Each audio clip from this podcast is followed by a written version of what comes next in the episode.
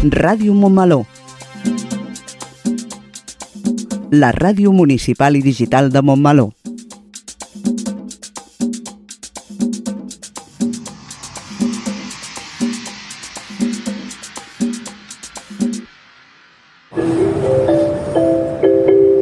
Propera parada, Montmeló.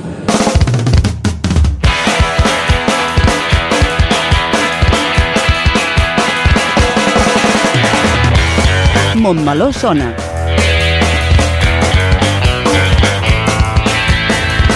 El magazín informatiu de Ràdio Montmeló.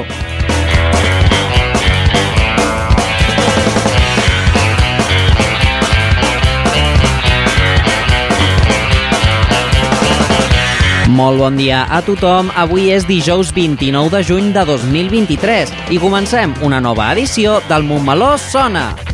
Programa número 75. Ja estem de festa major. En unes hores es dona el toc d'inici de la festa major de Montmeló d'enguany i per aquest motiu el Montmeló Sona d'avui serà una mica especial. Parlarem de festa major al nostre municipi en passat, present i futur. Al programa d'avui rememorem com es celebrava la festa antigament. Descobrirem com s'han preparat les entitats que són imprescindibles per la nostra celebració i explicarem quines activitats podrem trobar els propers dies. Comencem el Montmeló Sona especial de Festa Major 2023. Montmeló Sona és el magazín informatiu setmanal de Ràdio Montmeló, coordinat per l'equip de comunicació de l'Ajuntament. Avui ens acompanya la Maria Costa Freda al Toquem el 2 i la Lola Robles al bloc de l'entrevista. I a la locució del programa estic jo, el Rubén Cantón. I una vegada fetes les presentacions passem al sumari de continguts que tenim preparats pel programa d'avui.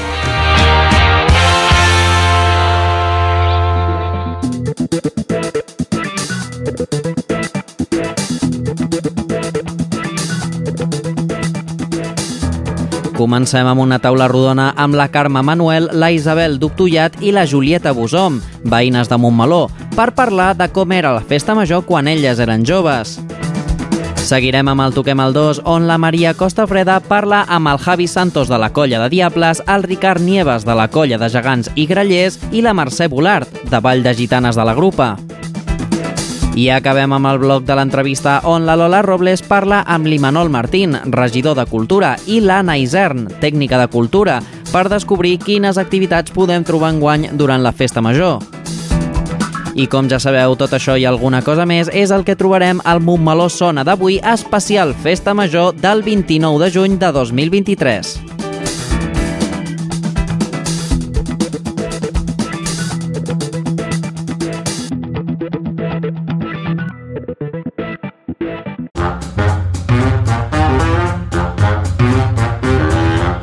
Montmeló sona, el magazín informatiu de Ràdio Montmeló.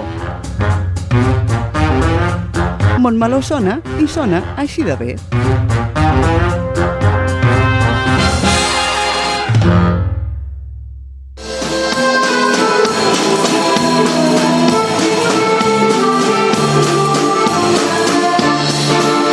Estem a punt de començar la festa major d'enguany.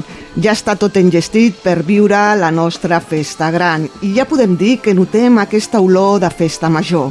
El Montmeló Sona d'aquesta setmana se suma a aquesta celebració i farem un programa especial dedicat a aquesta festivitat. Per començar, farem un viatge en el temps amb la Carme Manuel, la Isabel Dutullat i la Julieta Bussom, totes elles veïnes de Montmeló, per parlar de com era la festa major quan elles eren joves. Bona tarda, moltes gràcies per estar amb nosaltres. Gràcies, gràcies a vosaltres. Primer de tot, sou de les que aneu a les festes majors que es fan ara? Jo tot, a tot el que pugui. Sí, a tot Sobretot els balls de nit, m'encanten. Algunes sí, algunes no. No, bueno, jo ara, mm, per circumstàncies que no venen al cas, no, no puc ballar gaire, i com que no puc ballar gaire, a vegades vaig per veure-ho, per escoltar, per tot això, però però me, me, me tinc que aguantar perquè jo no puc ballar. puc ballar, ja. però me quedo allà sentada. Sí, sentadetes i almenys fents música. El que no vaig, és naturalment, és a la Torreta, perquè la Torreta ja és una altra activitat de gent jove, que a mi aquella música no em va tant, però ens estem allà fins que s'acaba. Anem a menjar un entrepà, tornem en allà, i, bueno, doncs, sí, sóc activa. Molt Mentre bé. es pugui, ho vull fer. Doncs anem a, anem a veure com, com, era, com eren les festes majors de quan vosaltres éreu joves. Quins records teniu? Bueno, jo... A veure, jo tenia el record molt, que t'ho he dit allà fora, de, de la festa major familiar, de tot de que t'ajuntaves la família, de que feies un gran dinar, que anaves a la dansa, a la nit anaves a, a ballar, feies el ressupor, tornaves a sortir, això a mi m'encantava. A ballar, sobretot, això sempre m'ha agradat molt. És que molt m'hi ha agradat, això. té tota la raó la, la Isabel que eh, l'ambient familiar era molt important. A casa meva, el meu avi i la meva àvia, eh, a sota la figuera, que en teníem dues allà al darrere, es feien unes taules enormes i eren 24, 25 cada dia a dinar. Eh, els meus tiets, els nanos que hi haguessin, nosaltres, l'avi i l'àvia, tots, tots, tots. I jo me'n recordo que la meva iaia, jo deia iaia, llavors a mi m'agrada que em diguin àvia, però dèiem avi, iaia, eh? La meva Sí. sí. iaia eh, criava conills, gallines, pollastres, i jo l'ajudava a matar. Bueno, a matar jo no, a aguantar, saps? No és que m'agradés massa, però bueno. I deia, aquest any hem matat 14 caps i encara si faltava alguna cosa eh, me'n recordo que si feia ànec que també era bo, ella cuinava els rostits la, el caldo davant i era molt aquells cossis eh, d'alumini o de zeny plens de, de, de el beure eh, la, la, els, les síndries, els melons, la fruita, amb gel. El, el pare del Serra Carbassa, que encara viu, és el que repartia el gel. I clar, per la festa major teníem molt de gel pels beures i per tot. I això, doncs, et donava una alegria, però també t'hi diré una cosa que, que jo ho he contestat bastant amb altres famílies. Eh, parlo del meu poble, naturalment, però em sembla que era bastant general, almenys al meu poble, se celebrava i li donaven més importància a la festa major que al Nadal. Sí, molta més. Molta més. Molta més, sí. eh, que sí, Isabel? Sí. Jo també sí. li he explicat amb ella que me'n recordo que la mare feia aquells grans dinars Sí, aquells i quan rostits. acabàvem de dinar jo li deia, i ara per què cous mongetes? Oi, a casa també. I em deia, ja ho veuràs. I a mitja tarda trucaven a baix. Sí. Tia, qui és? Pues una meva, el la teva neboda. Hem passat per aquí per veure't. No venien a veure, venien a menjar les mongetes Patata i mongeta. i mongeta. La iaia, després de- d'acabar tot el menjar, aquella pobra se'n feia uns tips, eh, pelava patates a, a trossets així petitets, com cada nit, cada nit, cada nit. I com que al meu pare li agradava molt la patata i la mongeta seca, del ganxet, verdadera, doncs cada dia feia el sopar. Imagina't tu, després dels rostits i la carn amb suc, que es feia, no la carn, sinó... Eh, Els escaldums. Exacte. És Els que ara no els fan. Els Eh, alcaldums. Jo els faig encara, Sí, eh? ja, encara en tinc avui a la nevera per fer-los aquests dies. I després, de, darrere, hi havia el rostit. I clar, menjar tot allò, els postres. Aquest era el plat, diguéssim, típic de fe, de, de, Sí, de, de, sí, sí, del dinar sí, de festa sí. major. Sí, sí, sí, es feia molt mm, més aviat la, el, el primer dia, no el segon, perquè ja tenies tots els colls, els, les potes, els pedrers, tot, Tot això preparat, sí. preparat. I l'endemà es feia, es feia tot menjar, però es feien els escaldums. El que no es feia eren canelons. Jo me'n recordo que la meva mare els hi va ensenyar a les meves tietes, a la iaia no, perquè no en volia saber res, a fer canelons i a fer entremesos. Tampoc es feia això, eh? No, Jo canelons a casa sí que en havia no. I, bueno, i jo jo a casa meva també, anys, i eh? entre mesos també, eh? Sí, bueno, no, depèn de quina edat parlis, eh? Bueno, Clar. No, la me- però la ella parla de que, més. que portem molt, molta diferència d'edat. Jo diria que sí. Jo, jo recordo coses de quan tenia 10 i 12 anys. Jo també. Eren anys feliços Mare per de mi. Déu. Molt. I tu què recordes, Julieta? Quins records et venen a la memòria de la festa major de quan eres jove? Bueno, els records que em venen a mi, eh, que anava a la festa major, o hi anàvem a la dansa i tot això, que hi havia dansa en aquella època, i jo, com que treballava amb una, mm, a la Vitamol, pues, tenia la mala pata de que allà es tocaven molts, molts líquids i anava sempre amb unes, amb unes mans fins aquí plenes de butllofes i ho passava malíssimament malament. Havies d'anar a la dansa i havies de, de dir-li al, al noi pues, que no, no t'agafés massa perquè, clar, no m'agradava a mi anar amb aquelles butllofes a les, a les mans. I, és clar perquè, perquè, perquè li podia... No sé si li encomanava, però la veritat és que era molt angoniós, molt, molt. Ara ens ho passàvem molt bé. Era una festa esperada, no? Sí. Molt. No hi havia res més, llavors, ni per la gent gran ni pel jovent. A mi, a mi el que, eh, el que m'encantava, i fots, fixa't tu de petita, eh, ja, jo t'estic parlant de 8-10 anys i més, després ja més amunt, però els meus records d'aquelles taules allà sota la De quina figuera... data parlem, Carme, més o menys, per situar l'oient? Eh, jo en tinc 81, posa-li de, de 60 i 70 anys enrere, eh? Sí, sí, sí. Sí, perquè jo en tinc 79 i casa, però tu tenies uns pati, però és que hi casa tenia- meva no, era un pis. aquell pis, sí, ja me'n recordo I, ja. I me'n recordo que un any, a l'últim, dinava al replà de l'escala. Ah, perquè no hi cabíeu. Que no hi cabíem, de tanta porta oberta família. ja fa... Això a mi m'encantava. Era maco. I a dormir, i a dormir, l'habitació de la tieta Rosita i el tiet Joan, tot eren matalassos, Matalassos a per terra. terra. La Tresina i jo dormíem juntes. I a l'habitació, a l'avi i la iaia. I a, i a l'habitació del tiet Federic, però és que et parlo de molts anys, eh? no de quan era jove, no, de nena. Després em vaig anar fent gran, és clar. I el record, doncs, és igual. El que anava a dir, per mi, com que a mi m'agrada molt la música i la meva mare li agradava la música i al meu avi li agradava la música, per mi eren els concerts molt, molt importants. Molt. I que es feien, Perquè quin es paper, feien quin a paper tenia la música en la festa major, la música i els balls? Molt. Concerts, no sardanes, eh? No, aquí, aquí primava la, la, la, el ball de gitanes. Les sardanes no, no, no. De moment no han no. sigut més importants. per El Ball de Gitanes va ser molt important i, i bueno, i jo recordo, bueno, recordo perquè el meu marit tenia una màquina de fer cine i resulta que bueno, mm, li va donar per, per fer les, Això ja és cap aquí. Les gravacions. les gravacions. Sí, això. A veure, i jo hi vaig anar-hi a buscar la gent per ballar colles amb Sí, el teu fill recordo ja. Josep. I tant, i tant. Vaig anar pels, I, vam anar pels col·legis, I el que gravava- vam anar amb, el, amb la màquina de cine, sí, I el que gravava abans del teu marit era el Joan. tot està entregat, eh?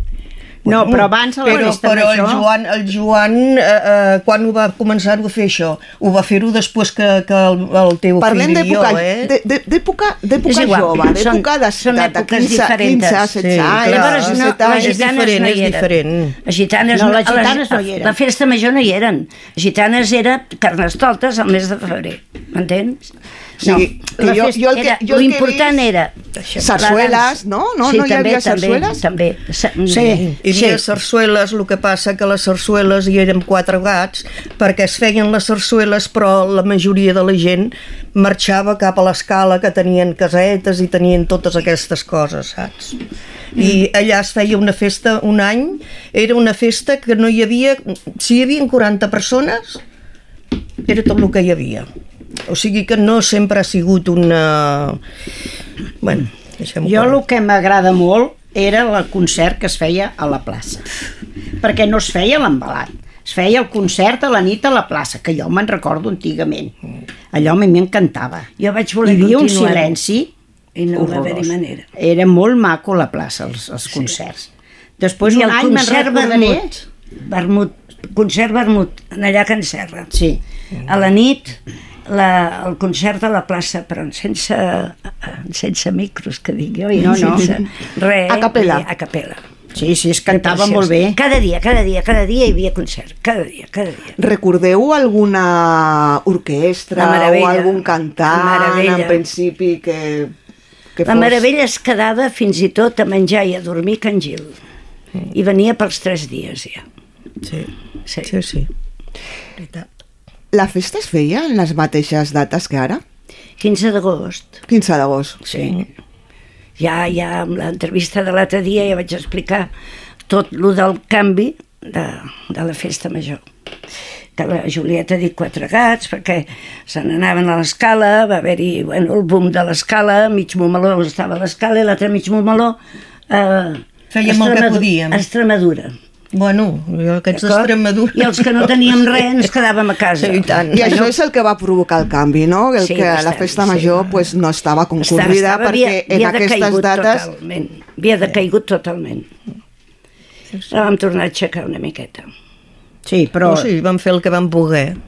No, però les, la- les, quan deien que hi havia la, les sarsueles, hi havia els varietés, Els varietés estava ple. encara, encara hi havia molta gent, la gent encara sí. no tenia, nosaltres parlem de més cap allà, després la gent sí que van tenir els aparcaments a l'escala i tot això, però me'n recordo jo de, de, de que anaves, hi havia hasta lucha libre, Sí, sí. Sí.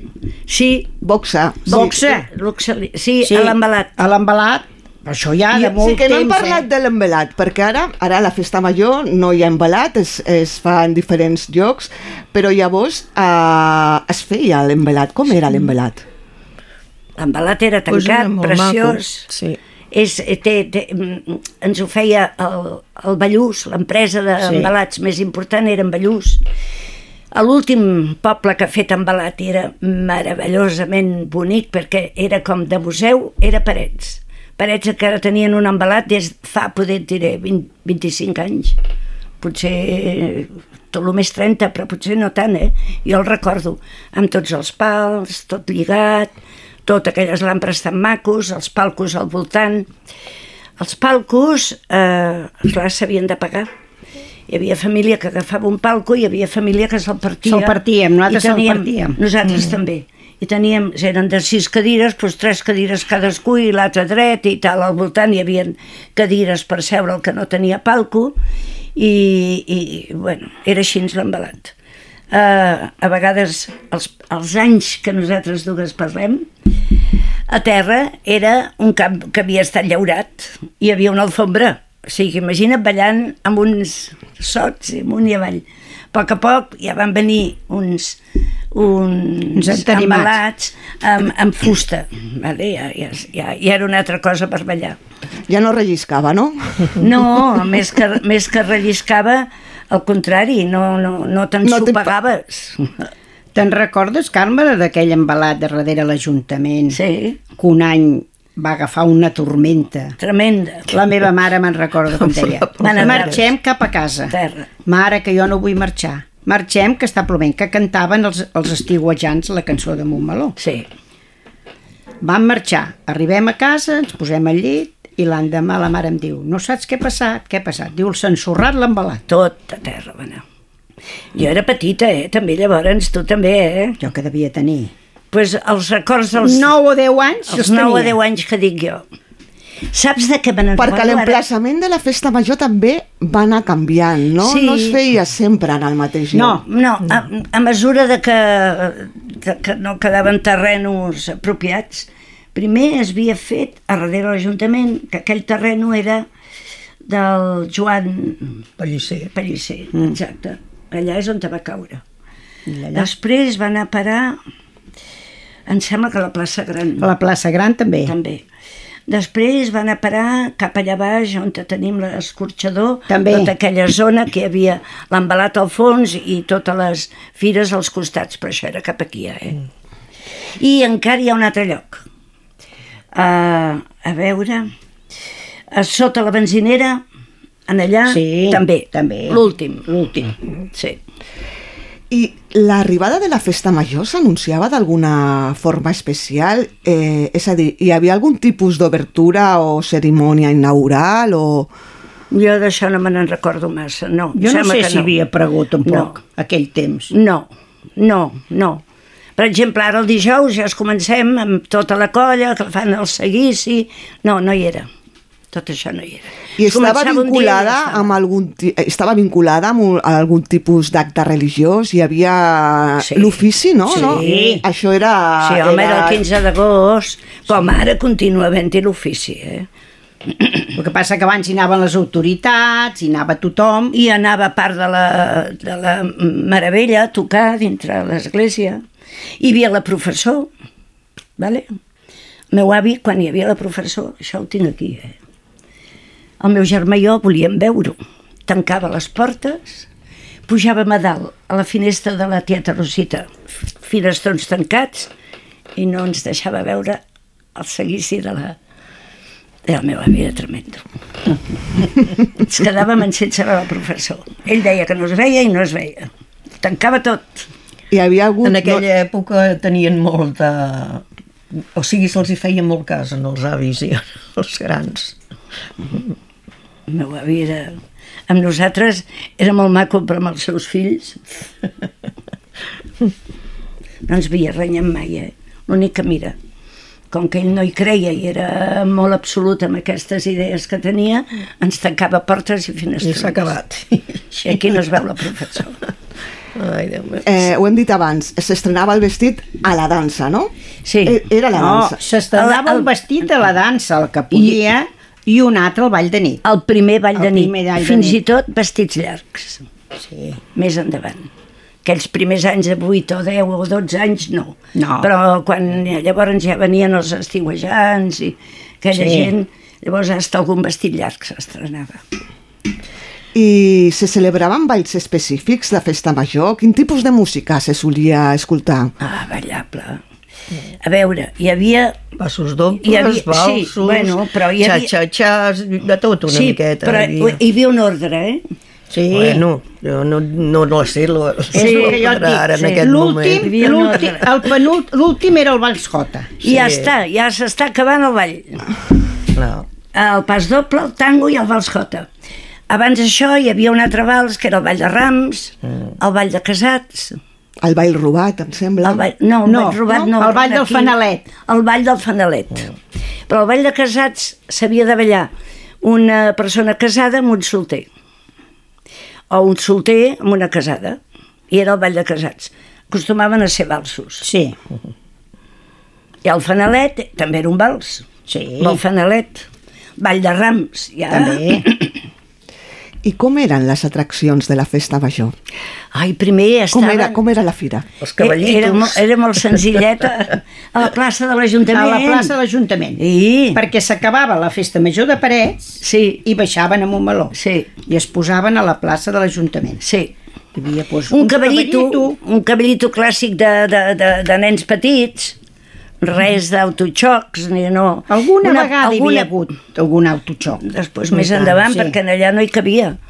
Alguna paradeta de, de, de, de ninetes o de caramels o de... Si t'explico l'anècdota de la, de la meva germana amb la seva perruca, Sí? anant amb els autos de xoques, que li va caure la perruca, vam riure com a desgraciats. Anda, la germana Quan la era fires... molt... Sí, bueno, Molt anècdotes. Eren fires molt senzilles, no com ara, que hi ha tanta cosa. No, no, no Ah, hi havia després- res més a la plaça. Després es va anar engrandint, eh? Bueno. Però el primer, el primer, el primer era la plaça. Ja veus tu el que hi podia cabre. Unes barquetes d'aquelles, te'n Sí, recordes? la barqueta sí. Les barquetes, el, el típic mm, cavallito, i després tres o quatre paradetes. voladores també hi havia. Sí, Una voladora ja va ser més cap aquí, perquè a la plaça, no, No, a les que no hi barquetes sí, aquelles barquetes que Aquelles pujaves barquetes. i vinga i dale, Sí. això sí. sí. No hi havia res més. Bueno, això fins que no van poder-lo posar allà sota la... allà sota on estan ara els guàrdies civils, que estan allà dalt a... Llavors en allà hi havia a l'embalat, hi havia les... les... A quins guàrdies civils? Bueno. No en tenim aquí de guàrdies civils. A la policia, policia, municipal, vol dir. ah, vale, vale, vale. No, vol dir allà sota l'últim any que s'ha fet Clar, allà. va l'últim any. allà. Bueno, últim any, no sé si va ser l'últim any, L'últim, eh? l'últim. Si ja no s'ha fet més perquè ja s'ha fet. L'escorxador, allà hi havia una bona fira, allà a l'escorxador. Molt, Sí. molt. Des de que començaves, començava amb el xurrero Sí. i després, al final de tot, el- l'embalat. I Que la xurreria, no sé si encara continua, però la floresta La era, floresta era divina. era, Sí, vull la dir, floresta és és emblemàtica, sempre- és la de sempre. La... Emblemàtica. Sí, sí. Jo, si no hi ha els xurros de la floresta, no en tasto ni un. no, ja no hi són, eh? La, Ah, ja família són. ja no hi Ja no són. hi S'ho Vale. van traspassar, almenys fa uns qui- 10 o 15 anys, ben bé. Però el senyor que hi havia allà, l'amo de la floresta actual, fins a final, que es van jubilar, aquells cabells blancs, aquell senyor va néixer aquí a Montmeló, que anava de part la mare, estant a la xuleria. Eh, I què diríeu que ha quedat i què s'ha perdut o ha evolucionat de la festa major? Jo diria que, que almenys, i estic molt contenta, que continuï un concert. Sí, El Ball de nit, amb una bona orquestra, sardanes, Ball de nit... No, sardanes, concert i Ball de nit. Almenys això. Julieta, per tu. No, a mi m'agrada això que acaba de dir, sí, està molt bé. Sí, sí. Que s'ha conservat almenys un concert, oi? Pues sí, i s'han conservat les colles que, que es van començant allà a la plaça de la Quintana, que va ser un 6 de, de maig, sembla que era, sí, un 6 de maig, que van estrenar les, les mm, fandilles aquestes que, que encara voltegen per, per Montmeló, la de Topus, que va ser molt maco, molt maco, les colles sempre han sigut molt maques, molt. A mi m'ha agradat sempre molt i vaig ballar mentre vaig poder, però quan no vaig poder ho he hagut de deixar. Què I vols fer-hi? jo de la festa major és que trobo a faltar molta cosa. Ja t'ho dic, que a mi m'encanta la festa major d'ara, sí. perquè veig que el jovent surt molt, Clar, ara, el concert i la música i tot això m'encanta. Jo seria de fer un concert a la plaça a la nit, però com que fer Això un és- concert això és, impossible, Jo ho vaig intentar és impossible. i em van dir de tot perquè vaig demanar silenci. Sí. Vaig pensar, prou.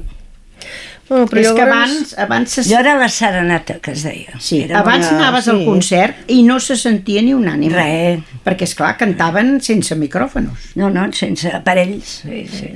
A viva veu. Llavors també va començar quan van fer les, les habaneres, van començar a cantar habaneres també, que també estaven molt bé, la gent allà estava molt contenta, es feia un cremat, Però això, llavors... això ho fem el 15 d'agost, eh? Bueno, per la festa major.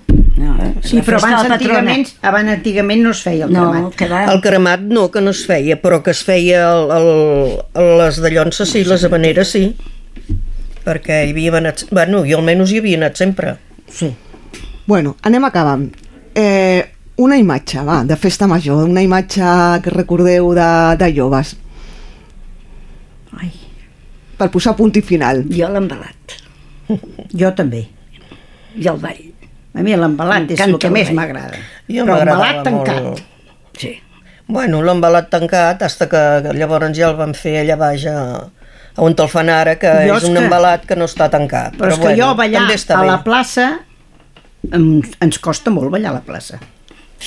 Ja no tenim una edat com per arrossegar les cames. Sí. A mi m'agrada l'embalat perquè almenys, vaja, a mi és el record Si la fusta està ben posada, I el- estupenda, però quan hi hagi una d'allò enfoscada, relliscada, que és massa. El meu record també és aquest, Isabel, però ja, com dèiem aquí fora, la vida evoluciona, Mm, el jovent no està d'aquestes coses, s'ha d'anar mirant de compaginar per uns i per altres, abans tots érem una. Tot érem el una. jovent no tenia res durant l'any, No, la gent gran menys.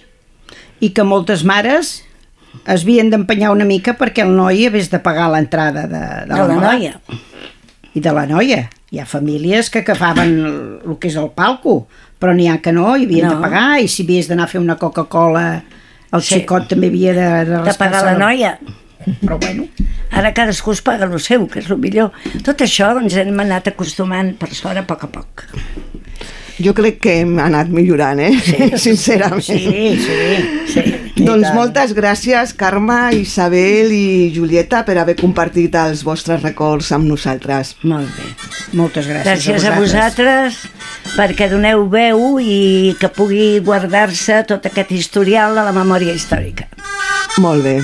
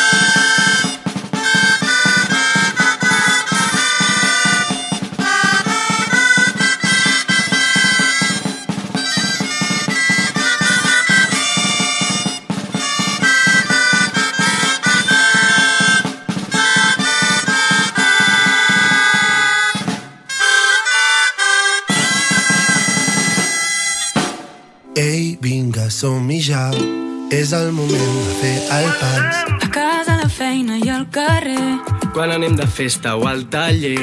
Parla'm amb el teu accent. Només hem de començar. Va, provem-ho en català. Tu per mi i jo per tu. I quan vulguis tots plegats. Molt per parlar, molt per Provem-ho en català. Molt per parlar, molt per viure. Generalitat de Catalunya. Sempre endavant. Gran gent gran. El magazín del col·lectiu de pensionistes. El dia 1 de cada mes a Ràdio Montmeló.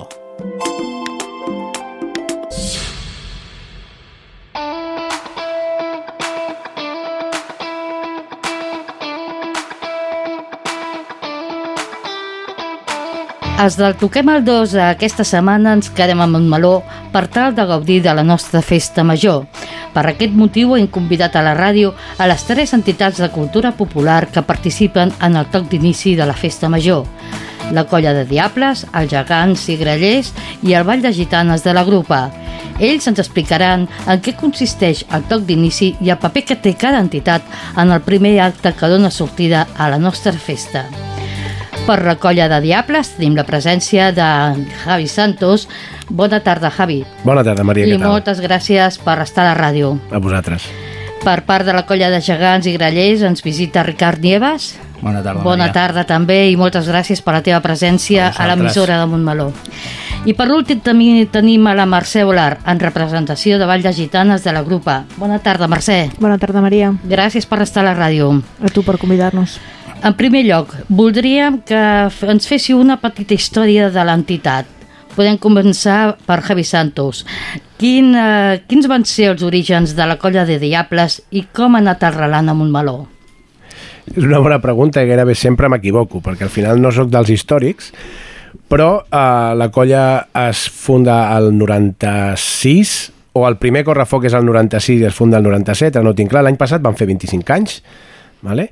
I llavors bueno, és una colla que neix d'un grup de gent amb la inquietud de, de fer partícip al poble i de, i de traslladar la cultura popular mitjançant el foc. Això comença amb 10, 12, 14 persones i amb el transcorre dels anys doncs, ha passat a ser una entitat amb vora de 150 socis que ha passat de tenir una colla adulta a tenir una colla jove, una colla infantil, un bestiari i que intentem passar-ho bé i fer passar-ho bé a la gent amb foc, espurnes i música. Uh -huh. Ricard Nieves, quina és la història de la colla de gegants i grellers de Montmeló des dels seus inicis fins a l'actualitat? Doncs a l'any 1980, si no vaig mal caminat, eh, que jo em passa com el Javi, eh? jo amb dates som molt dolent. A l'any 90 80, 1980 es va fundar la colla, eh, gent d'aquí del poble van decidir construir els primers gegants que van tindre i bueno, es van posar mans a l'obra i entre perruquers, fusters, uns i uns altres van fer els dos gegants inicials de la colla al cap d'un parell d'anys es van fer els segons, perquè aquests primers passaven molt, estaven molt descompensats i era molt difícil dur-los. Llavors es van fer dos gegants nous, ja de fibra, que aquests veritablement no sabem qui els va fer, no tenim constància, i si no m'equivoco l'any 1990 es van fer els tercers, que aquests ja es van fer a Granollers, al taller del Sarandaca, fins l'any 2021 que vam estrenar els nous gegants, construïts pel Jordi i Arnau Espuga, uns gegants més lleugers, més fàcils de dur, amb el qual obrim un ventall molt gran de, de gent que els pot portar, i aquí estem. Eh, actualment jo sóc el cap de colla, ha passat molta gent, Uh, L'últim cap de colla que el tenim honorífic dintre del grup és el Cisco Estudiat -huh. i bueno i, i molta més gent del poble que ha passat per la colla. Molt bé. Eh, toca el torn a la Mercè Volar, qui ens explicarà també els orígens del Vall de Gitanes de la Grupa i la Grupa com a entitat cultural eh, del nostre municipi fins a l'actualitat. Sí, com bé, com bé dius, Gitanes és una secció de la Grupa, que és l'antiga agrupació sardanista i cultural. Per anys va néixer l'any 76 perquè vàrem celebrar el 45è aniversari. Llavors la Grupa té diferents seccions, la de teatre, la de coral, la de sardanes i la de gitanes.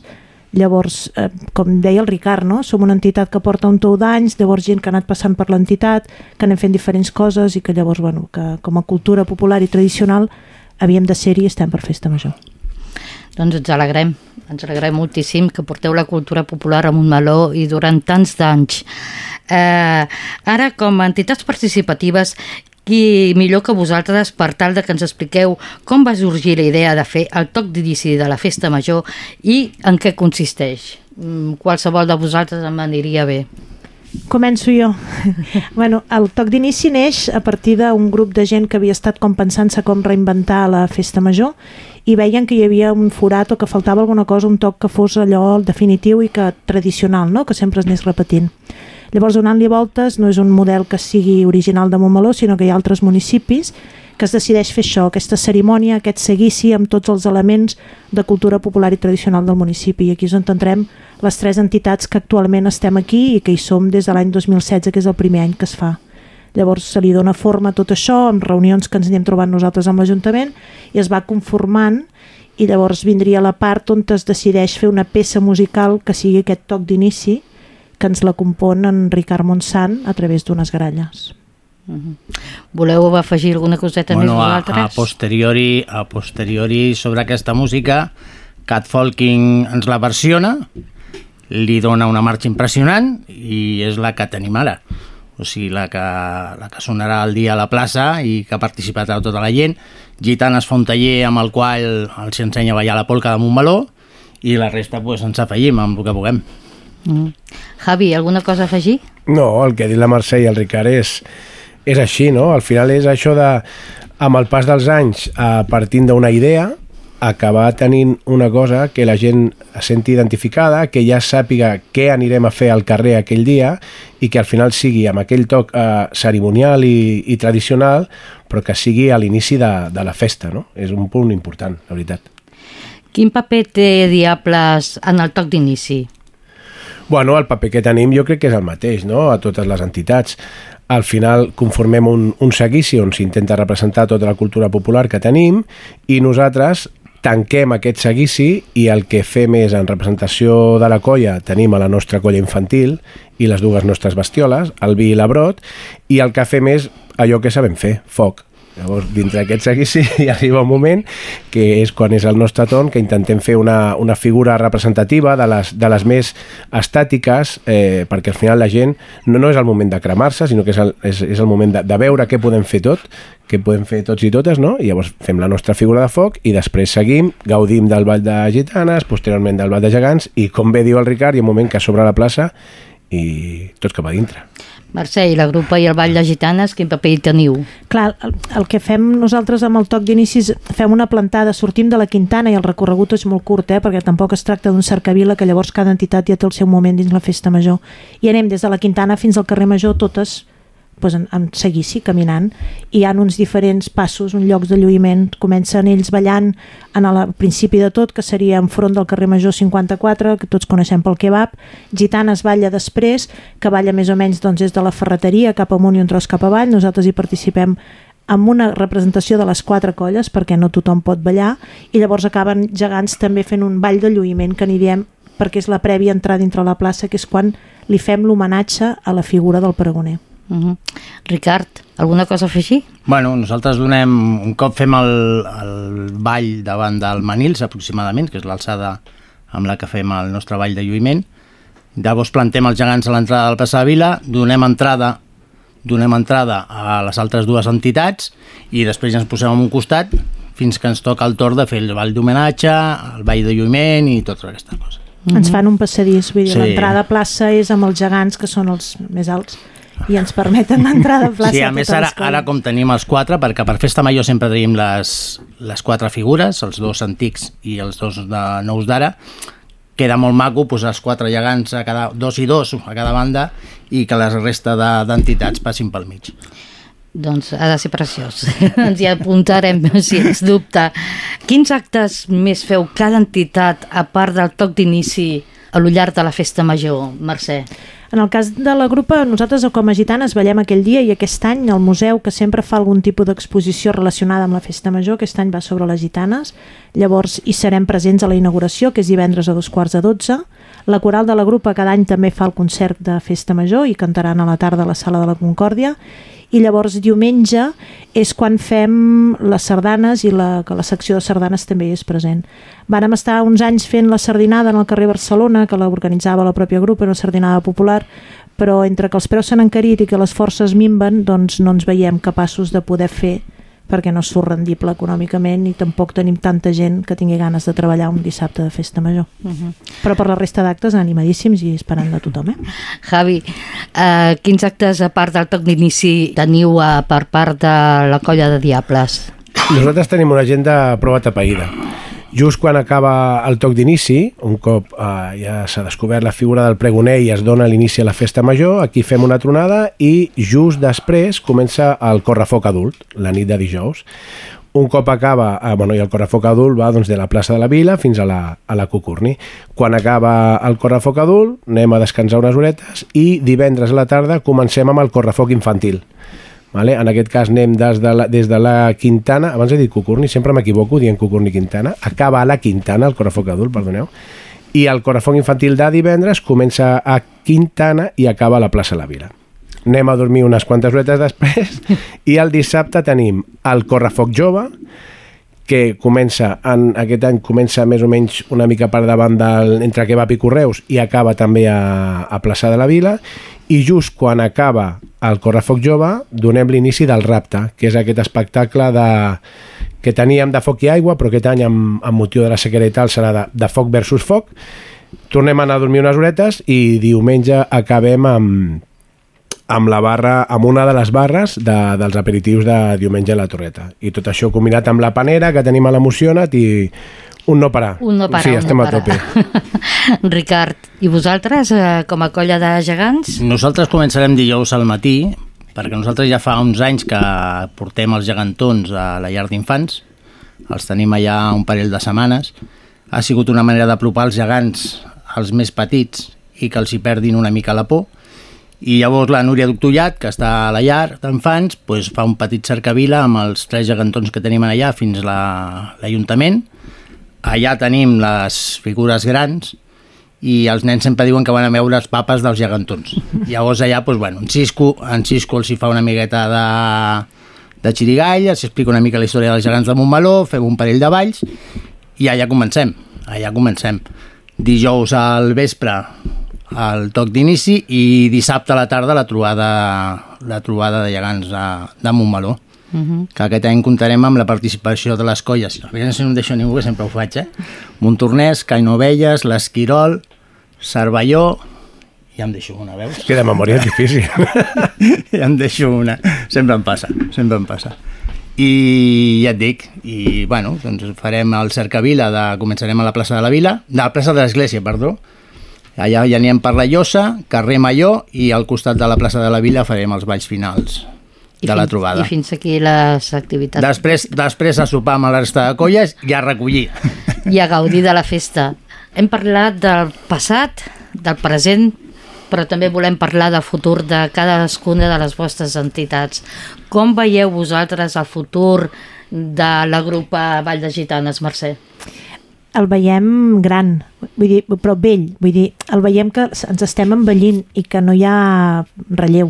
Dir, tu mires enrere i sí que nosaltres tenim, sobretot nenes, però no hi ha jovent, hi ha una franja d'edat molt grossa que és la que potser hauria d'agafar les regnes i començar com a, a rejuvenir les entitats i aquesta gent no hi és, llavors eh, el veiem, però ara mateix no sé si la paraula és el veiem cansat, el veiem pues, envellit, no? un futur que hi hem de fer alguna cosa perquè se'ns enganxi gent jove amb ganes no només de ballar, perquè una entitat, clar, no només és quan ens veus a plaça o que ens ho estic de bé que s'ho passen, no? sinó és tota la feinada prèvia dels assajos, de que tothom estigui a punt, de què s'ha de fer, de com s'ha de fer, què t'inventes per enganxar-los, perquè, clar, tot això és feina, llavors falta, jo veig que falta això, gent amb ganes de fer feina. Mercè, què els diries tu a, a la gent de Montmeló per tal que s'animin Home, doncs a que participar-hi. que val molt la pena. Jo penso que, que en el fons mm, diners no en trauran, en contrari en perdran, però la satisfacció de...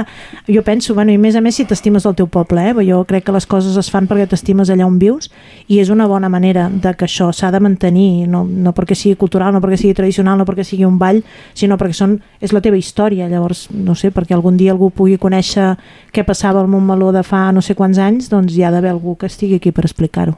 Llavors que s'animin, que val molt la pena. Si no, què faríem aquí nosaltres tres? El Javi. Javi, com tenim el futur de la colla de Diables? Una mica el sentiment de la Mercè és el que ens passa a nosaltres. Bueno, jo crec que a tothom ens ha afectat molt la, la pandèmia. Encara no fa gaire, eh, que l'hem passat.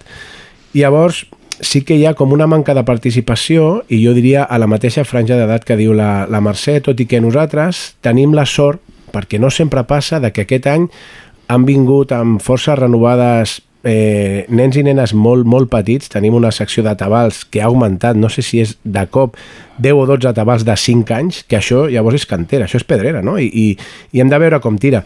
Sí que a la colla jove, que és una qüestió de... Al final és d'edat, no? d'identificació, s'han de trobar ells mateixos, poder no els oferim el que els ofereix el, el Cocó a qualsevol lloc d'aquests, no? I una de les coses que hem fet, igual que comentava el Ricard, el tema de d'anar a l'escola Bressol, de fet nosaltres fa un parell de setmanes vam anar a fer una caratillada a l'institut perquè la idea és una miqueta aquesta, no? enganxar amb la idea de transmetre la cultura, de, de, de respectar i fer homenatge a les arrels i de, i de fer poble, de dir, tio, és que això s'ha de mantenir. Ho estem intentant, hi ha gent nova, hi ha gent nova que són pares de, mares de, o gent que s'està apuntant, però falta aquesta continuïtat d'aquesta franja d'edat que és la que al final acabarà empenyent i serà el nostre relleu. Falta anar aglutinant més cantera. Sí. Uh, colla de gegants, Ricard, com ho Tre- tenim tres- de cara al futur? tres quarts de lo mateix, tres quarts de lo mateix. Nosaltres ara mateix tenim tres franges d'edat, no? Estem als iaios, que estem allà, que som els que més o menys ara estem portant la colla. Tenim gent jove, sí que és veritat que no ens podem queixar.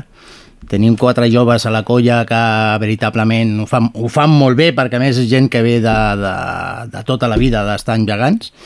I després tenim els petits, tenim els menuts, que ara mateix tenim 4 o 5 nens, bueno, i una nena, un parell de nenes, que amb els gegantons, el que parlàvem amb els gegantons, els hi ha donat molta vida, els van traient, però és el que diu el Javi. Tot això és de tots aquests quan arribaran a la colla, quan es quedaran a la colla, no ho sabem, no ho sabem. Llavors, doncs, bueno, doncs, el que comentava abans a la porta, fins que el cuerpo aguante, nosaltres intentarem mantindre la colla perquè és el que deia la Mercè, és la nostra cultura, són els nostres gegants, els diables del poble, la grupa, i això ho hem de mantindre. Això ho hem de mantindre. La fórmula quina és? No ho sé. No ho sé. Però la gent ha de fer seus, ha de fer seus tots aquests, totes aquestes entitats que són del poble i mantindre's. Doncs esperem que Montmeló segueixi comptant i tindre i que les tres entitats puguin tindre llarga vida i que la gent de Montmeló, sobretot els més joves, eh, s'hi apuntin i es, vulguin animar-se doncs, a, a seguir amb les tres entitats, tant Colla de Gegants com la grupa amb el Ball de Gitanes com amb la Colla de Diables. Moltes gràcies a tots tres per estar presents a l'emissor de Ràdio Montmeló, Ricard Nieves, Mercè Olar i en Javi Santos per la vostra presència al Toquem el 2. I també moltes gràcies a totes les altres entitats montmelonines que amb la vostra feina feu possible que els montmelonits i montmelonines puguem gaudir de la nostra festa major. Visca la festa major. Visca. Visca. El so de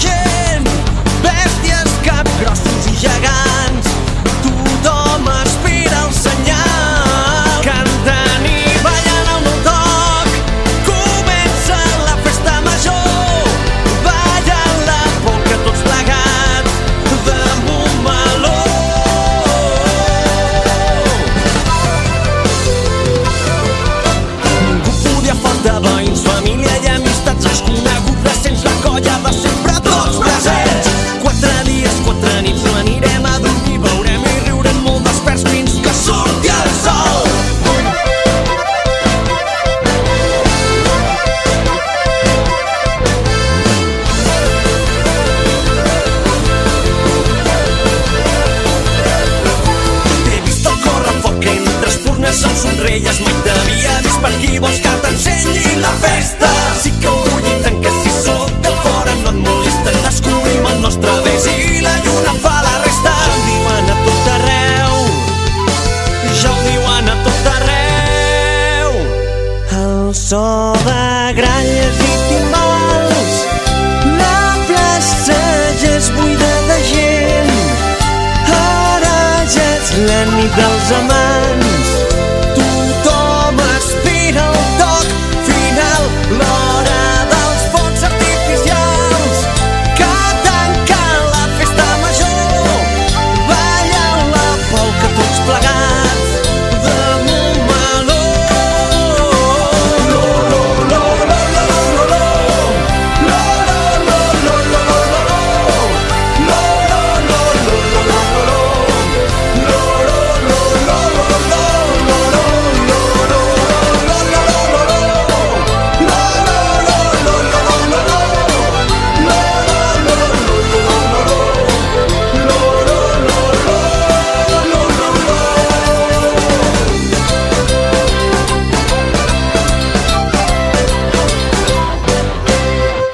Celebrem amb orgull. Jo celebro que sóc la Marta. I jo l'Àlex. I jo l'Emi. Jo celebro que sóc el Quim. Celebrem que som com som. La Diputació de Barcelona treballa al costat dels ajuntaments per erradicar l'LGTBI-fòbia i construir pobles i ciutats orgullosos de la seva diversitat sexual i de gènere. Diputació de Barcelona. Descobreix el patrimoni del nostre municipi amb el Pol Castejón i la Maria Antònia Carrasco. Patrimon. El primer dilluns de cada mes a les 12 del migdia.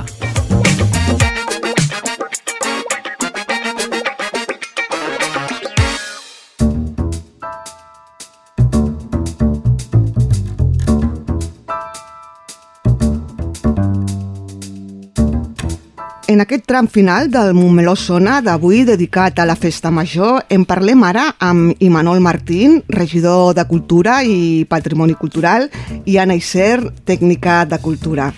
Bona tarda. Bona tarda. Hola, bona tarda. Estem amb ganes de festa? A moltíssimes. I tant, i tant. Cada any l'esperem amb molt entusiasme, aquesta festa major. Si us sembla, comencem a descobrir aquesta festa i anem detallant les activitats que s'han organitzat per enguany. Primer de tot, dic que aquest any la festa serà molt rosa, que és el color de, del mocador d'enguany que ha fet el trencadís. Correcte, sí, aquest any fem el color rosa, que és un color que fins ara no havíem fet, ja es van acabant, per tant no tardarem a repetir.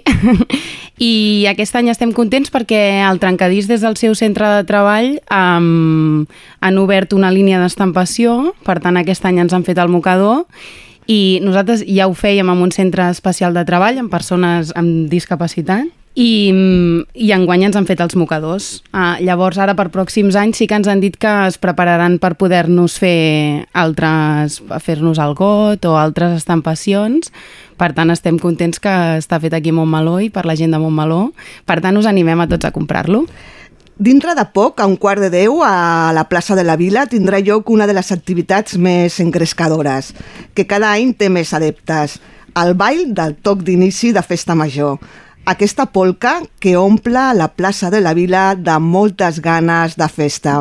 Sí, I tant, sí. Al final eh, és un emblema no? que, que es va instaurar fa poquet i que intentem com que la gent se la faci seva, no? la, la polca de la, de la festa major. A sobre tenim la versió de, de Catfolking que, que és molt canyera i a la gent li, ha, li agrada molt i al final considerem que és un bon inici no? de la festa major. Tothom ballant a la plaça. Primer eh, les entitats que fan el seguici no? des de la plaça de la Quintana fins a, fins a la plaça de la Vila on descobrirem qui és el pregoner d'aquest any eh, i tot seguit doncs, sortirem tots a, a plaça a ballar aquesta polca que dona com el, el tret d'inici amb un misto gegant que farà encendre com el típic xupinazo no? que de Sant Fermín pues, també el tindrem aquí a Montmeló i amb tot això comencem amb els actes que s'aniran succeint de la, la festa major. La veritat és que dona goig, eh? de veure, sincerament, de veure la plaça tota plena de gent, ballant... Sí, sí. Sí, per les persones que no se sàpiguen el ball, a les 8 farem un taller que va a càrrec de la grupa, ens faran anar a la plaça de la Quintana mentre s'escalfa la plaça i tothom es prepara per sortir. Us convidem tots a fer el taller i, i assajar el ball perquè després doncs, la plaça s'ompli de d'energia i de dansa i ballem tot aquest, aquest primer, aquesta primera celebració conjunta que és el ball de la polca, tots plegats. Uh, anem a, a, a detallar una miqueta els actes del divendres. Demà divendres a les 11 a la plaça de la Vila i l'Avinguda de Pompeu Fabra viatjarem al Far West de la mà del Mercat de Xauxa en la prova mítica de la rata, que no falta, no?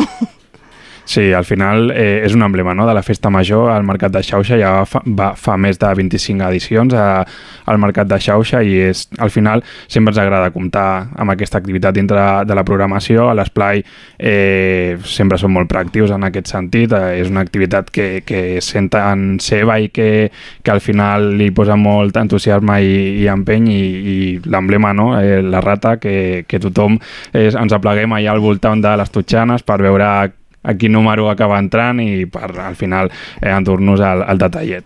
Eh, aquest any va sobre el Far West i us animem a tots a participar-hi, sobretot al públic familiar, no? que creiem, creiem que és molt important eh, programar també per aquest tipus de, de públic. Exacte, és una activitat familiar perquè hem de dir que les activitats que s'han programat estan adreçades a tot tipus de públic, des de petits, joves, adults, grans, s'ha pensat en, en tot tipus de públic. Correcte, al final intentem agafar tot l'aspecte no, d'edats, eh, des d'un nen bebè no, que pot participar-hi de forma passiva fins eh, el públic infantil i familiar amb el mercat de xauxa, més activitats que parlarem ara, o els concerts a la nit a la gent jove i també la gent gran, tenim concerts de, al casal de gent gran, de la coral, o sigui que al final tenim mm, activitats molt, molt diverses i que tothom s'hi pot sentir còmode o en una o en, en l'altra. És com la nostra obsessió, programar per, per tothom. També demà a les 6 de la tarda a la plaça de la Quintana una de les novetats d'enguany, un escape room sobre el canvi climàtic. Correcte, englobat dintre de la Setmana Europea de l'Energia, eh, vam considerar no, eh, doncs incloure d'alguna manera eh, dintre de la festa eh, una activitat eh, encarada en aquest sentit i hem comptat amb un, un servei que fa la Diputació de Barcelona que portarà un skate room. Ja veureu que en general tota la festa major hem intentat que sigui més sostenible eh, que anys anteriors i anirem avançant en aquesta línia. Aquest any al GOT eh, fem una campanya no, que es diu Oh My God, que animem a la gent a portar-se el seu got de casa reutilitzable i si no el pot comprar per un euro no serà retornable, o sigui que el podrà anar portant eh, durant tota la festa major i a part també apostem aquest any en aperitius, que ja parlarem més endavant, eh, per fer plats eh, reutilitzables eh, de plàstic dur, eh, on la gent eh, podrà agafar-lo, anar a agafar els diferents aperitius i després retornar-ho i es netejaran.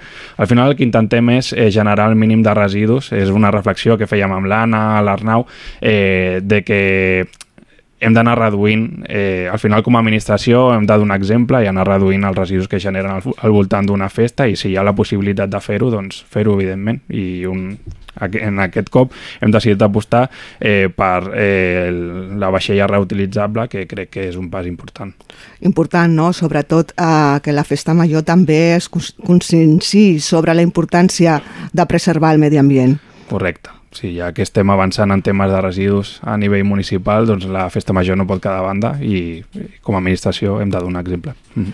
Continuem amb divendres, on tindrem dos clàssics. A dos quarts de set, a la Sala de la Concòrdia, el concert coral de Festa Major i a dos quarts de nou, a la Sala Polivalent, el concert de gospel. Sí, eh, trobarem a la Sala de Concòrdia. Aquest any eh, hem ajuntat els concerts. Havíem vist que el públic eh, normalment es quedava en els dos concerts. Per tant, hi haurà la cantada de veneres que fan el coral, la coral de la gent gran que dirigeix la directora de l'Escola de la Música, la Montse Trisan i la Pepi Marcén, i després hi haurà la tradicional també cantada de l'Ogrupa, que està mm, dirigida per Joana Campos, i la Viviana Salici, que els acompanyarà amb el piano, i aquesta és una activitat eh, també tradicional de festa major que, que esperem que gaudiu. A les 8, a la plaça de la Quintana, l'espectacle de circ i baldufes Poi, de la companyia Destro. Sí, aquest espectacle ens fa molta il·lusió portar-lo. És un espectacle que ha girat molt, eh, té bastants premis, és eh, d'un noi mallorquí.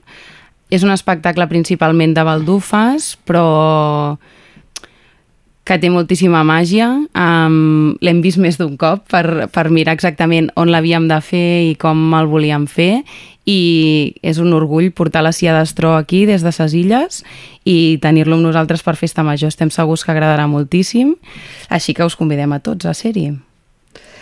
Ens adentrem ja a, a la nit de divendres i a tres quarts de deu al passeig de les Corts Catalanes tornarem a tenir foc, en aquest cas amb la secció infantil de la Colla de Diables i acabarem la nit amb ball i música.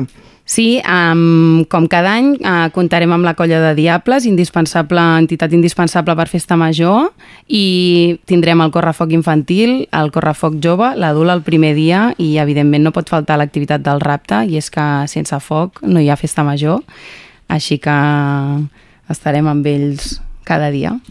A la nit a la plaça ens espera l'Orquestra Jarunda, que farà música per, per, per ballar a tota la gent, i després a la Torreta, a les 12 i mitja, començarà el, el concert eh, juvenil, que tindrem en aquest cas la Clarence Becker Band, que és una banda de funk, soul, um, liderada per el, pel Clarence Becker, que ha girat arreu del món, una banda que també ens fa molta il·lusió portar i que pensem que serà un encert perquè té una qualitat uh, molt alta i acabarem amb, amb la DJ Trapella que, que posarà el punt i final i hem volgut posar una DJ femenina perquè per apostar per programacions amb lideratge femení.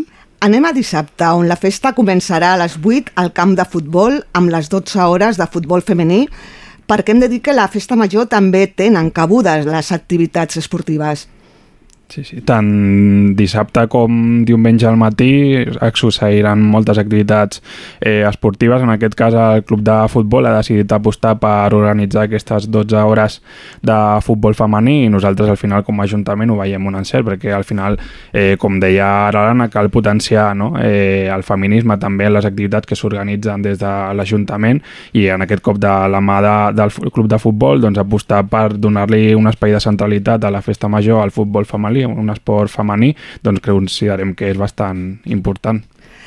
Aquest any, a causa de les mesures de prevenció contra la sequera, no hi haurà festa de l'aigua, però això no vol dir que no es pugui gaudir de l'aigua, oi? Correcte. Al final, eh, la festa major ens ve marcada per el decret de sequera que tenim actualment i nosaltres al final, com parlàvem abans de sostenibilitat, també hem de parlar de, de ser un municipi no, amable amb el medi ambient i no volíem, eh, perquè sí que és veritat que la normativa eh, estava una miqueta oberta, la Generalitat en això no es mulla i ens traspassa als ajuntaments no, al decidir, però nosaltres el que vam decidir és que, que si tenim una piscina i a sobre tenim la sort de tindre les piscines que tenim en aquí a Montmeló, doncs aprofitar aquest espai, eh, no malgastar aigua i, i ens podrem mullar, podrem gaudir, però repensant l'activitat i, i on tothom eh, podrà participar-hi, no trobarem a faltar la festa major i esperem poder recuperar-la l'any que ve, evidentment, perquè al final també és una de les activitats emblemàtiques de festa major, però considerem que ens hem sabut adaptar bastant bé i, i la gent gaudirà d'igual manera que amb la festa de l'aigua d'anys anteriors. I després de remullar-nos a la piscina, un altre clàssic de la festa major, que és la rosada popular i que aquest any sí que hi ha algun canvi no? en, en aquesta activitat. Sí, aquest any una mica amb la voluntat d'acostar-ho a la, la Rosada i la Festa de l'Aigua i la Holi també eren activitats que estaven centralitzades en un mateix espai i que permetien doncs, participar en més d'una activitat amb, o amb les tres pràcticament alhora. Llavors el principal canvi aquest any és d'espai de la Rosada que ho farem en la plaça de l'església intentarem, bueno, muntarem, farem tot el muntatge en una part amb sombra i el que intentarem és que fer aquell espai el més amable possible, muntarem les paelles amb llenya. Al sortir de la piscina trobareu totes les paelles ja fent-se amb llenya. Cal dir que hi ha opció, vegetariana. Si, si no mengeu carn també sou benvinguts a la Rossada i provarem aquesta ubicació que esperem que funcioni, que la gent surti fresca, que hi hagi també un flux entre la piscina i, i la Rossada i puguem també així fer un, un espai fresquet o que, no? que ja que és una activitat que és de migdia, que fa molta calor, doncs intentar que sigui el més fresquet possible l'activitat i que puguem menjar l'arròs eh, fresquets. I a la tarda i nit del dissabte tindrem dues de les activitats de cultura popular més boniques de la Festa Major, la cercavila de gegants i l'impressionant espectacle de foc i música al rapte. Sí, correcte. Um, la, planta, la trobada de gegantera d'enguany també la canviarem de lloc. Um, uh, S'ha centralitzat, farem un espai a la plaça de la Vila. Allà succeiran, mentre està muntant el rapte, tindrà lloc la, la trobada de gegants i pensem que és una ubicació que serà xula, que permetrà fer una ballada que, que, que quedi recollida i quedi bonica i res, que us esperem a la trobada de gegants i després a, al concert a, per xics. I després del concert de petits, doncs està clar que hem d'anar tots a veure el rapte, que aquest any també ha patit restriccions amb, amb la qüestió de l'aigua, però que és un espectacle molt xulo, que, que segur que s'ha sabut adaptar i que gaudirem absolutament tots, eh, tot i que aquest any sigui amb les restriccions d'aigua. I arribem a diumenge, darrer dia de Festa Major, on, com ja és habitual, durant el matí tindrem activitats esportives i també un altre clàssic, el de llocs de rol i simulació. Sí, l'entitat de l'UDU sempre està disposada a, posar, a portar els seus Warhammers a totes les activitats que fem, per tant, com sempre es mostren disposats i a les 9 del matí ells van d'horeta, que així no fa tanta calor, muntaran a la torreta mm, els jocs de rol, Paral·lelament tindrem el torneig de petanca, que també és tradicional que fan, i, el, i els entrenaments del karate que es faran al pavelló. Simultàniament a tot això, una mica més tardet a les 10, aquest any en substitució del tobogan, eh, també pel tema de restriccions d'aigua, um, hem portat una activitat que es diu Extreme Race, és una cursa d'obstacles que muntarem al, al camp de futbol i paral·lelament també hi hauran uns inflables i uns jocs al centre i pensem que és una alternativa que aquesta, sense, sense gastar aigua, um, també serà xula per públic infantil, juvenil i posarem música i ho animarem molt. I a la una serà el torn de la degustació popular d'aperitius que aquest any arriba a l'edició 31. Correcte. Eh, també és un emblema de la festa major, no? Eh, tots anem, arribem diumenge, ja eh, arrosseguem no? tot el cansanci de la festa major i el que volem és al final gaudir amb la família, anar allà als jardins de la Torreta dels aperitius que ens preparen eh, les diverses entitats de, del municipi. És un goig i, i al final l'espai és idoni per fer aquest ti- tipus d'activitat. Eh, ens podem seure allà amb les cadires, fa ombreta als pins i al costat de les oliveres i a sobre comptem amb eh, la parella de músics que van tindre l'any passat que van animar molt eh, els aperitius, així que en general és una activitat que sempre ha funcionat molt bé però que aquest any creiem que, que continuarà funcionant així de, de bé.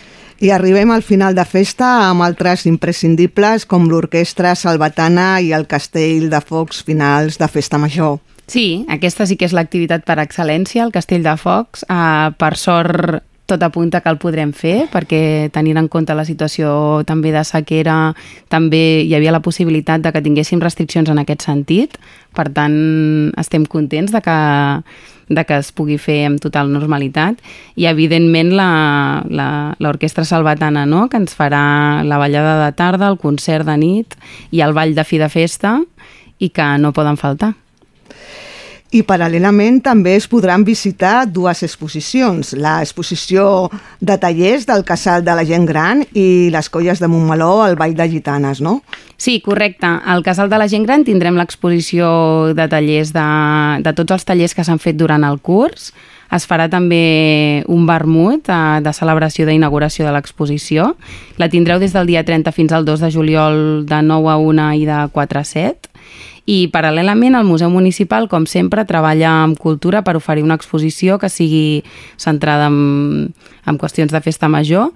Aquest any va sobre el Ball de Gitanes, ah, trobarem diverses peces, trobarem vestits, um, el Pol de Patrimoni l'està preparant amb molt d'amor, sigui que estarem contents de, de tenir-la. I a fora, a la part exterior, hi haurà una ballada també d'homenatge de les gitanes i a la part exterior sí que es tornarà a penjar l'exposició de Festa Major, que ja teníem feta d'altres anys, és a dir que estem contents que el museu eh, participi activament i cada any, cada any ens sorprengui i, i vagi generant exposicions que queden de patrimoni per que després podem tornar a recuperar, no?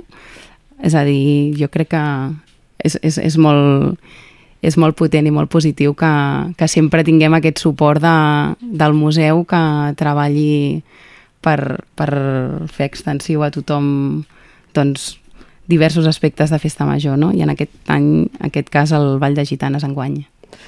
Doncs ja sí, ja ens anem de festa, però abans si voleu fer alguna invitació a, a la població perquè vagi a la festa major, doncs, evidentment, sí, tenim moltes ganes de veure-us, tenim ganes de que gaudiu, de que balleu, i, i el, que, el que sí que voldríem dir és un profund agraïment a totes les entitats que ho fan possible. Hi ha molta feina darrere de tants dies d'actes. Um, és veritat que les entitats després de la pandèmia passen per un moment de més dificultat a l'hora del compromís. Per tant, us animem a tots a participar, en, en gaudir des de dins de la festa, que és una altra perspectiva i, i és molt xulo ser-hi des de dins. I res, jo principalment agrair a totes les entitats i, i a totes les persones que després venen a gaudir-ho. Sí, jo sumar-me al que ha dit l'Anna, eh? agrair a totes les entitats, a tota la gent eh, de la casa que hi treballarà durant aquests eh, dies per fer possible la festa major, agrair evidentment a l'Anna i a l'Arnau, no? que seran els que més estaran dedicant el seu temps durant aquests quatre dies, que porten ja molts mesos treballant eh, per fer possible aquesta festa major i encaixant totes les peces i al final és d'agrair no? eh, comptar amb gent així a l'Ajuntament eh, i, i en general és agrair i dir-li a la població de Montmeló que està tot preparat amb molt de carinyo i esperem que ho gaudiu igual que ho farem nosaltres i que ens trobem dilluns i puguem dir de quina bona festa major hem tingut tots i totes. Doncs ho deixem aquí. Ens han acompanyat l'Anna Iser, tècnica de cultura, i l'Imanol Martín, regidor de Cultura i Patrimoni Cultural. Gràcies i molt bona festa a tothom. Bona festa major.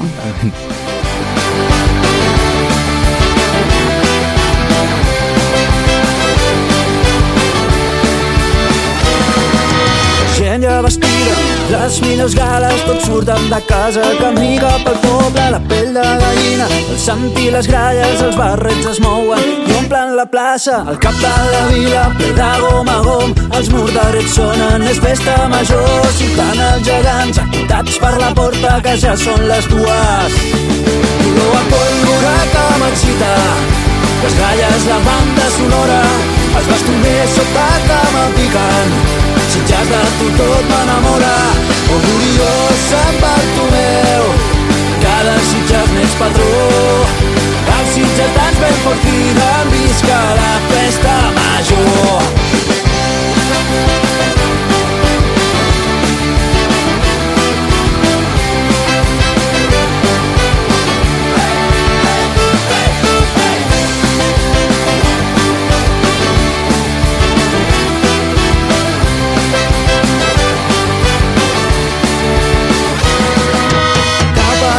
platja a veure els focs, la punta cap de crema. Una gran traca que ens deixa sords i espera no acaba la festa. Desperto content, alegre, impacient, a l'alba de més sitgetana. Tirar cap a ofici, que ja arribem tard, farem tremolar junts la plaça. Olor a pólvora que m'excita, les gralles, la banda sonora, els bastoners sota que m'apiquen, parles de tu tot m'enamora com l'Orió tu meu cada Sitges més patró. El sitgetans ben fort crida visca la festa major. Ballada final és l'última encesa ah, ja sento els tambors batallant per les venes. Oca la bèstia? Color a pólvora que m'excita. Les gralles la banda sonora bastoners sota cama picant. Sitges de tu tot m'enamora, o curiosa Bartomeu, cada sitjat més patró. El sitjat tan ben fort criden, visca la festa major.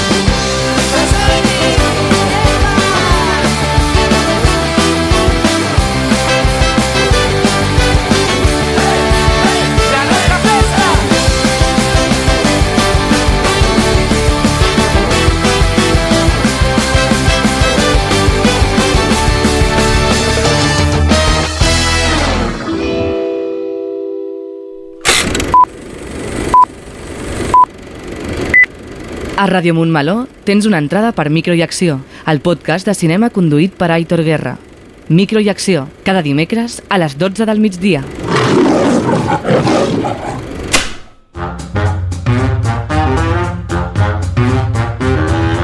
Montmeló sona, el magazín informatiu de Ràdio Montmeló. Montmeló sona i sona així de bé.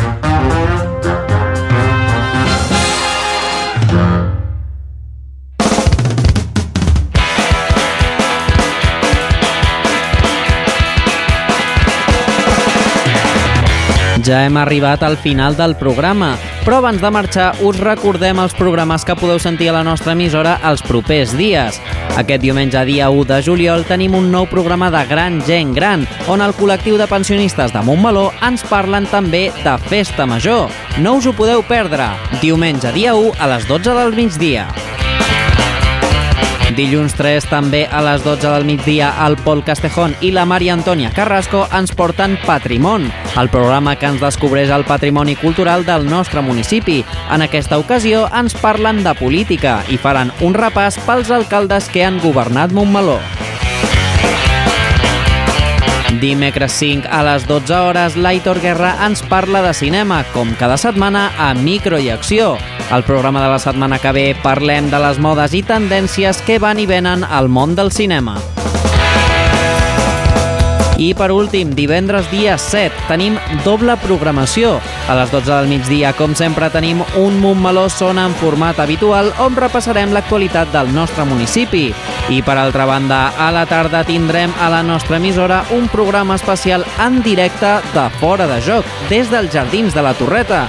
Esteu atents durant aquesta setmana perquè us mantindrem informats sobre aquest programa tan especial.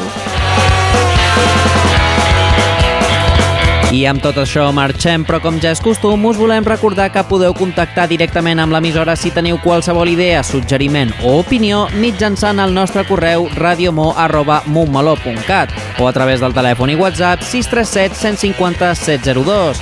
Molt bon cap de setmana a tothom i sobretot passeu molt bona Festa Major 2023. Gaudiu de la nostra festa amb la nostra gent i al nostre poble, però aneu amb compte de no acabar massa ressaca perquè Montmeló tornarà a sonar divendres 7 de juliol de 2023 a les 12 del migdia. Visca Montmeló i visca la Festa Major!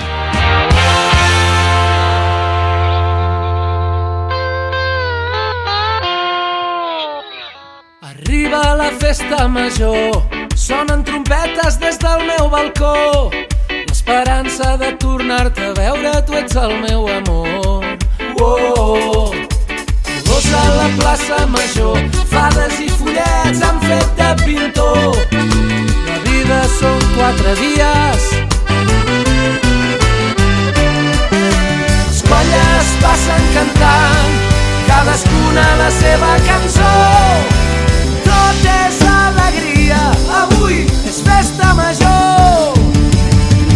No oblidaré mai aquell màgic petó. Vas fer un minut després de dir-me que no. No oblidaré mai aquell màgic petó. Vas fer un minut després de dir-me que no.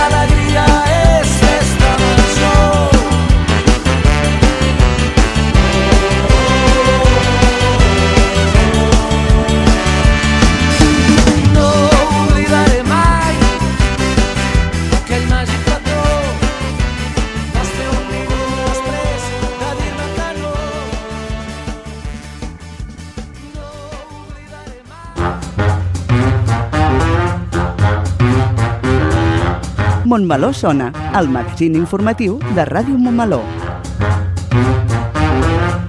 Montmeló sona i sona així de bé.